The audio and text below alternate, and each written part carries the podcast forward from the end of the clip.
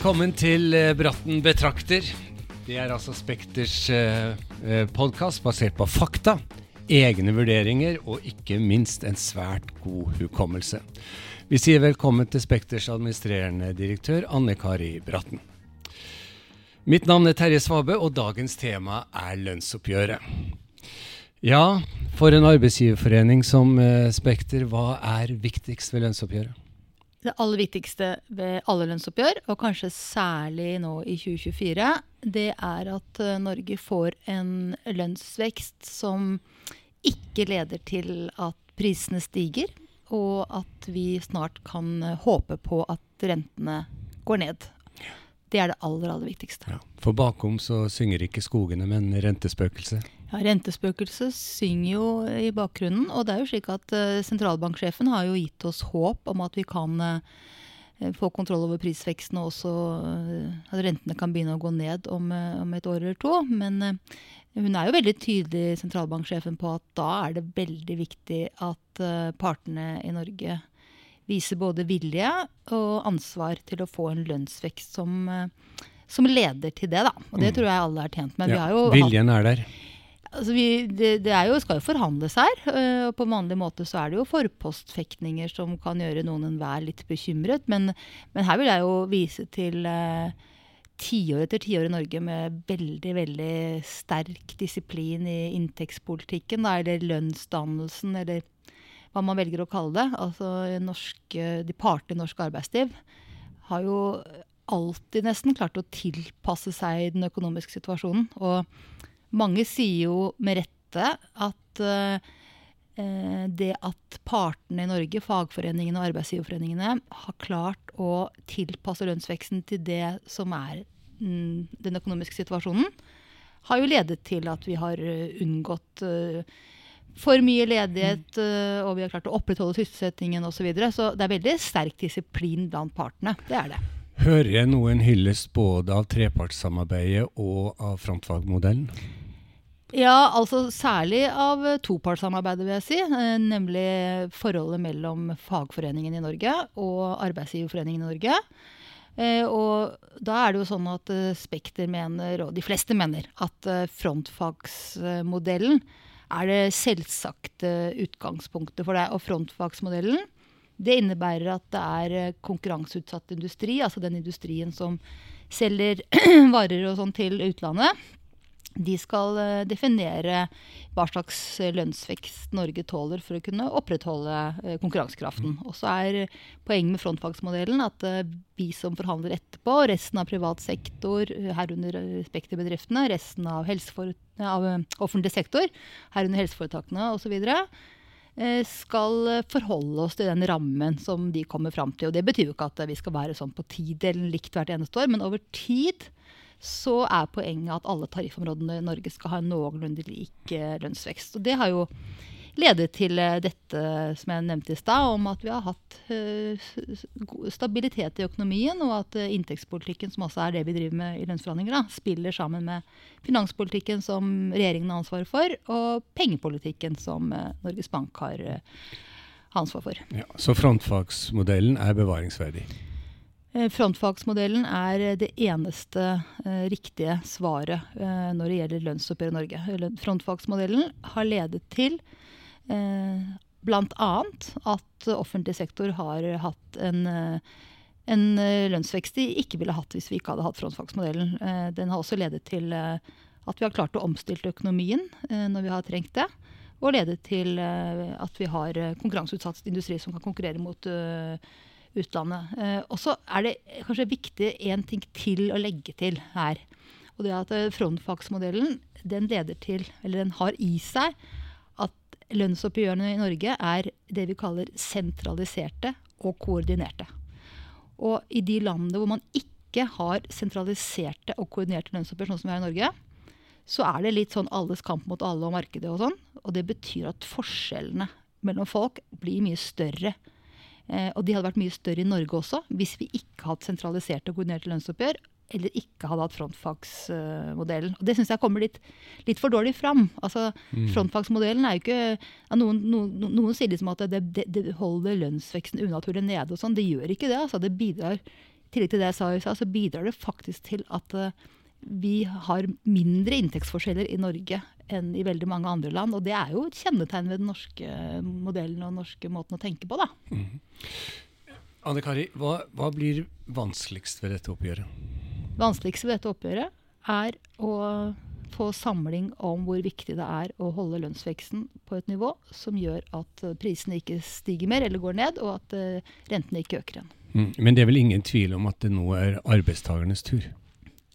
Nei, Det kan man jo lese i avisen. Dette er jo sånn som det pleier å være. At uh, nå står det, det står helt programmessig at nå står det i avisen, og nå har fagforeningene vedtatt at uh, de skal at det er arbeidstakernes tur. Uh, og det er det jo stort sett hvert eneste år i Norge. Det er jo veldig få år i Norge de siste 30 årene hvor ikke det har vært det som heter reallønnsvekst. Altså at uh, lønnsveksten har vært høyere enn prisveksten. Så, så det, er, det, er, nesten alltid arbeidstakernes tur. Men sånn har det ikke vært de siste åra? Nei, det er riktig. Det har vært uh, tre år nå hvor det ikke har vært reallønnsvekst. Det har vært tre år som jo har vært preget av uh, ting vi ikke ante, nemlig pandemi og krig og i, i Europa. Så, så, det har vært eh, vanskelig å anslå prisveksten, slik at lønnsveksten ikke har vært høyere enn eh, prisveksten. Men sett i et sånt tiårig perspektiv, 20-årig perspektiv, 30-årsperspektiv, så har det jo vært eh, reallønnsvekst. Og så er det jo ikke slik eh, at det der står i menneskerettighetene at alle skal ha reallønnsvekst. Altså. Det er ikke sånn det er i store deler av, eh, av, verden. Men i Norge har vi vent oss til det. Så når vi ikke får reallønnsvekst, så blir vi så overrasket. Men i år må det bli det? Reallønnsvekst, ja. ja. da må eh, rammen fra lønnsoppgjøret bli høyere enn det som eh, teknisk beregningsutvalg sier prisveksten skal være. Nå sier teknisk beregningsutvalg, TBU som man kaller det, at eh, prisveksten kommer til å bli på 4,1, og så skal de ha et nytt møte i mars. og Det kan hende de justerer på det, men rundt der, da. Så all lønnsvekst over det vil jo bidra til gjennomsnittlig reallønnsvekst. Og så får partene i frontfaget forhandle og se hva de kommer fram til. Mm. Og der ligger rammen, forresten. Der ligger rammen forresten, og da kommer eh, Spekter til siste protokoll er skrevet under til å si at vi må følge rammen fra frontfaget. du, er, du var inne på dette med samordning og koordinering. Det er jo hovedoppgjør i år. Eh, gjør det at det er vanskeligere i forhold til et mellomoppgjør? Og hvor ligger den store forskjellen mellom hovedoppgjør og mellomoppgjør? Den store forskjellen mellom et hovedoppgjør og et mellomoppgjør er at eh, i mellomoppgjør eh, forhandler vi bare om økonomiske tillegg, mens i hovedoppgjør så forhandler vi om alle elementene i tariffavtalen. Og der står det jo mye om pensjon mange steder, og arbeidstidsbestemmelser og andre typer bestemmelser. Så i år er jo alle tariffavtalens elementer i spill, og vi kan forhandle om det. Eh, så er det slik at eh, før så, så tenkte vi ofte at hovedoppgjøret var vanskeligere, og at mellomoppgjøret var enklere. Men de siste årene så har det vært eh, vanskelig også i mellomoppgjør. Mm, mm. Vi ser bildene på TV fra forhandlinger hvert år, og noen stiller seg spørsmål er det hele et ritual, er det et spill for galleriet? Ja, jeg syns det er lett å få eh, det inntrykket. Jeg husker i hvert fall de første årene jeg holdt på med lønnsoppgjør, så, så ble jeg veldig overrasket over at det jeg trodde var eh, eh, at Det var kanskje litt annerledes på innsiden av lønnsoppgjørene enn man kunne få inntrykk av når man bare så at partene utvekslet krav og håndtrykk på TV. da. Men eh, det er klart, det er, eh, det er veldig mye ritualer. Altså, det er jo ingen deler av arbeidslivet som er så eh, rituelt eh, mm. som dette. Eh, og så er det slik at eh, om det er et spill Ja, det er jo det. Det er jo en del spill i det dette. Det må gå til mekling? Nei, ja, altså Det må egentlig ikke det. Det er, det er, for mange meklinger i forhold til det det er behov for. Men, men altså, det at det er et rituale, det gir jo veldig mye forutsigbarhet. Det er jo gitt oss veldig mye ansvar. At hvis vi bommer på regnestykket, eller hvis vi setter lønnsveksten for uh, høyt, så kan det jo få ganske store konsekvenser. Så, så det er veldig alvorlig. Så vi, så vi, er jo avhengig av at det er uh, renhet i roller og ansvar og alt mulig sånn. Eh, og akkurat på den tiden her av året så er det litt sånn at man er litt Altså, et del av ritualen er jo at fagforeningene skal si at her må vi ha høye med innfrielser av høye krav, ellers så skal vi streike. Og så sier arbeidsgiverne at nei, nei, nei, nei er, eh, vi er, vi er jo, altså, arbeidsgiverne er jo aldri så bekymret som vi er i februar og mars hvert eneste år. Det er da vi er kjempebekymret, og det er da motparten har de høyeste ambisjonene også. Så utenfra så kan jeg godt uh, forstå at det kan se ut som vi, som vi ypper veldig til kamp og ser veldig forskjellig på situasjonen. Altså vi skal jo, Fagforeningene skal jo si nå rituelt at det er rom for reallønnsvekst, og så skal vi arbeidsgiverne si at det er vi ikke så sikre på, osv. Men etter hvert så strammer det seg til? Ja, det strammer seg til, og det er ikke mye spill over det som skjer da. Altså, det, er ikke mye, det er ikke mye skuespill over det som skjer når det strammer seg til. Mm. Det finnes jo ingen lønnsoppgjør i Norge som ikke har gått over. Det er jo heller ingen streiker i Norge nå, så alt skal jo gå over. Mm. Men apropos streiker, tror du, altså Både Peggy Hessen Følsvik og, og Jørn Eggum har jo vært ute og, og sagt, eller truet med, med, streik. Tror du på streik? Ja, De har jo ikke bare truet med streik, de har truet med storstreik. Ja. Mm. Som jo er et uh, interessant ord. altså hva, Jeg vet ikke helt hva de mener med storstreik, ja, men, men, hvis de mener at, at 2024 er det året hvor hele privat og offentlig sektor kommer til å blir lammet av storstreik samtidig, så, så vil, eh, vil, nok mange av oss bli veldig overrasket. For det er jo ingenting i dette oppgjøret her som, som hvor det ligger an til at, eh, at, eh, det skal bli en storstreik. Altså at hele privat og offentlig sektor skal streike samtidig. Det skjer for det første veldig sjelden i Norge, og det, det, kommer ikke til å skje i år, tror jeg. Du har ikke tro på det? Ikke Nei. på en storstreik som lammer hele Men det blir sikkert noen streiker, men det tror jeg ikke. Mm. Eh, hvor mye betyr relasjoner i forhandling og mekling, den du sitter på ved andre sida av bordet for? Hvor mye betyr det at du har et godt forhold til vedkommende? Ja, Det betyr jo veldig mye.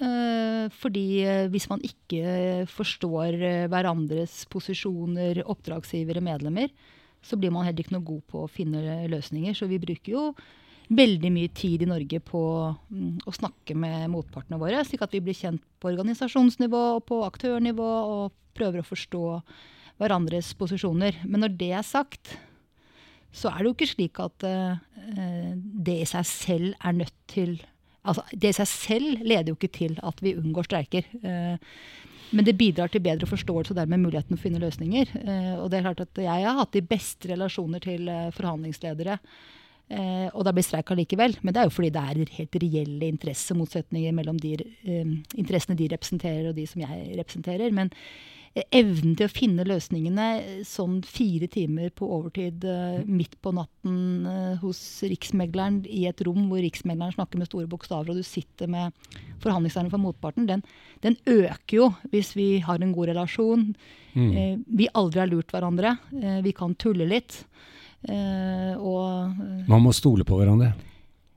Ja, og må i hvert fall ha uh, tillit til at mm. vi ikke ljuger og sånn. da, ikke sant? Og at vi ikke, og så er det stole på hverandre. Det tror jeg vi nok gjør veldig mye i Norge og norsk arbeidsliv. Men, men, en del av dette her er jo at man kan jo aldri være sikker på at ikke noen prøver å altså, vi sier jo ikke alt hele tiden. Vi mm. sier jo ikke sånn forhandlingene begynner og meklingen begynner at dette tror jeg vi skal få til. Det sier vi jo ikke. Vi sier jo at dette blir vanskelig. For vi må jo spille, vi må spille kortene våre. Mm. Litt om Spekters forhandlinger nå. Når, når begynner Spekter-forhandlingene? Ja, vi har blitt enige med organisasjonene om å begynne våre forhandlinger 9.4, når vi regner med at frontfaget er ferdig da hvis ikke de skal streike. Men vi legger opp til å begynne 9.4, og da fungerer det på den måten at vi har det vi kaller innledende sentrale forhandlinger med alle de store hovedorganisasjonene. Og så forhandler jo de virksomhetene i Spekter som ikke er sykehus, de forhandler da lokalt eh, og ser om de blir enige. Og hvis de ikke blir enige, så skal vi sentralt hjelpe dem å, å komme i mål, eller eventuelt gå i mekling. Eh, og så begynner nok forhandlingene for sykehusene ute i mai en gang. Si litt om hvor, hvordan forbereder Arbeidsgiverforeninga Spekter seg?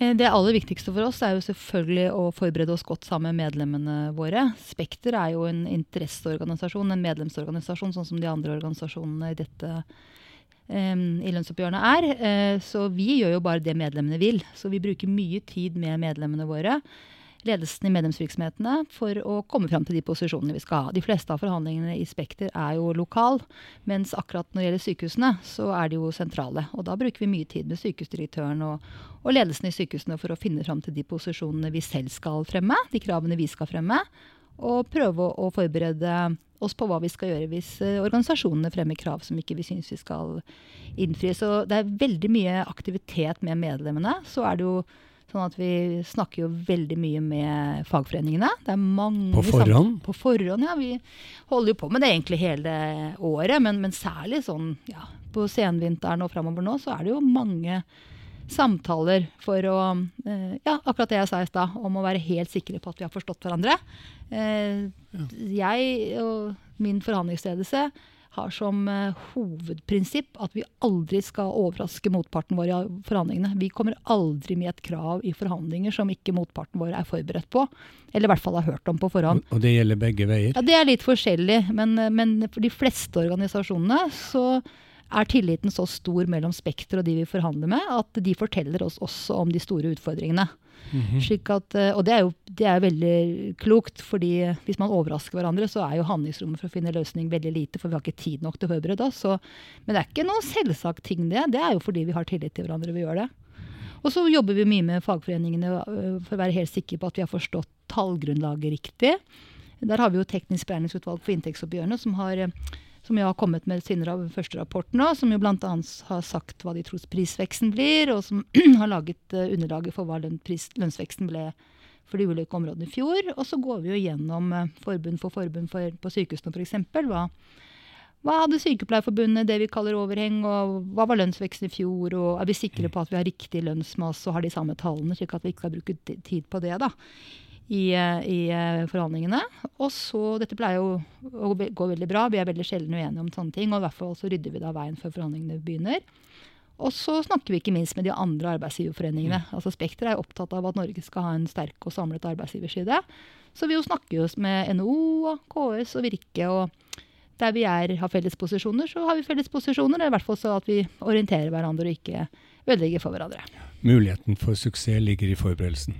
Ja, det gjør det. Det ligger i forberedelsene, og så ligger det i evnen til å eh, områ seg raskt eh, når eh, man ser at man ikke blir enig, og tiden er inne for å eh, gå på plan B og se om man kan finne andre løsninger. Anne Kari, veldig interessant å høre om, eh, om lønnsoppgjøret og forberedelsene og gjennomføringa. Og så har jeg blitt bedt om å spørre om eh, hva har du i veska di under forhandlingene? ja, jeg har med Eh, strikketøy. Fordi, strikketøy, ja. ja fordi eh, forhandlinger er jo veldig mye venting. Vi venter jo veldig mye på hva motparten eh,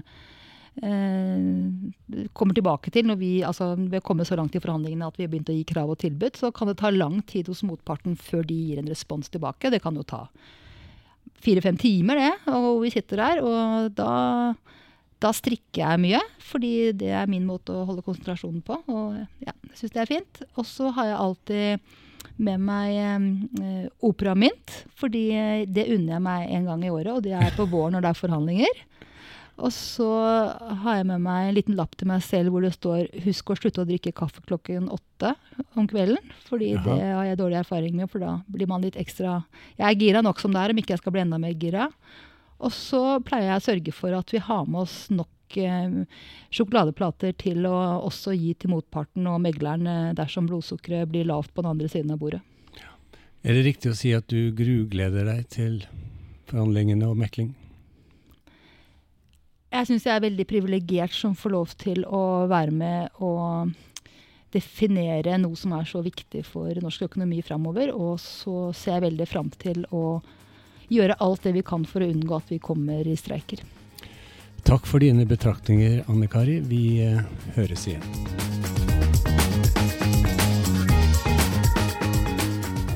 Du har hørt Bratten betrakter, en podkast fra arbeidsgiverforeningen Spekter. Dersom du har innspill, spørsmål eller forslag til tema, kan du kontakte oss på podkast.spekter.no. Ansvarlig redaktør er Anne Kari Bratten og produsent er meg, Ingvild Dahl Dørnes.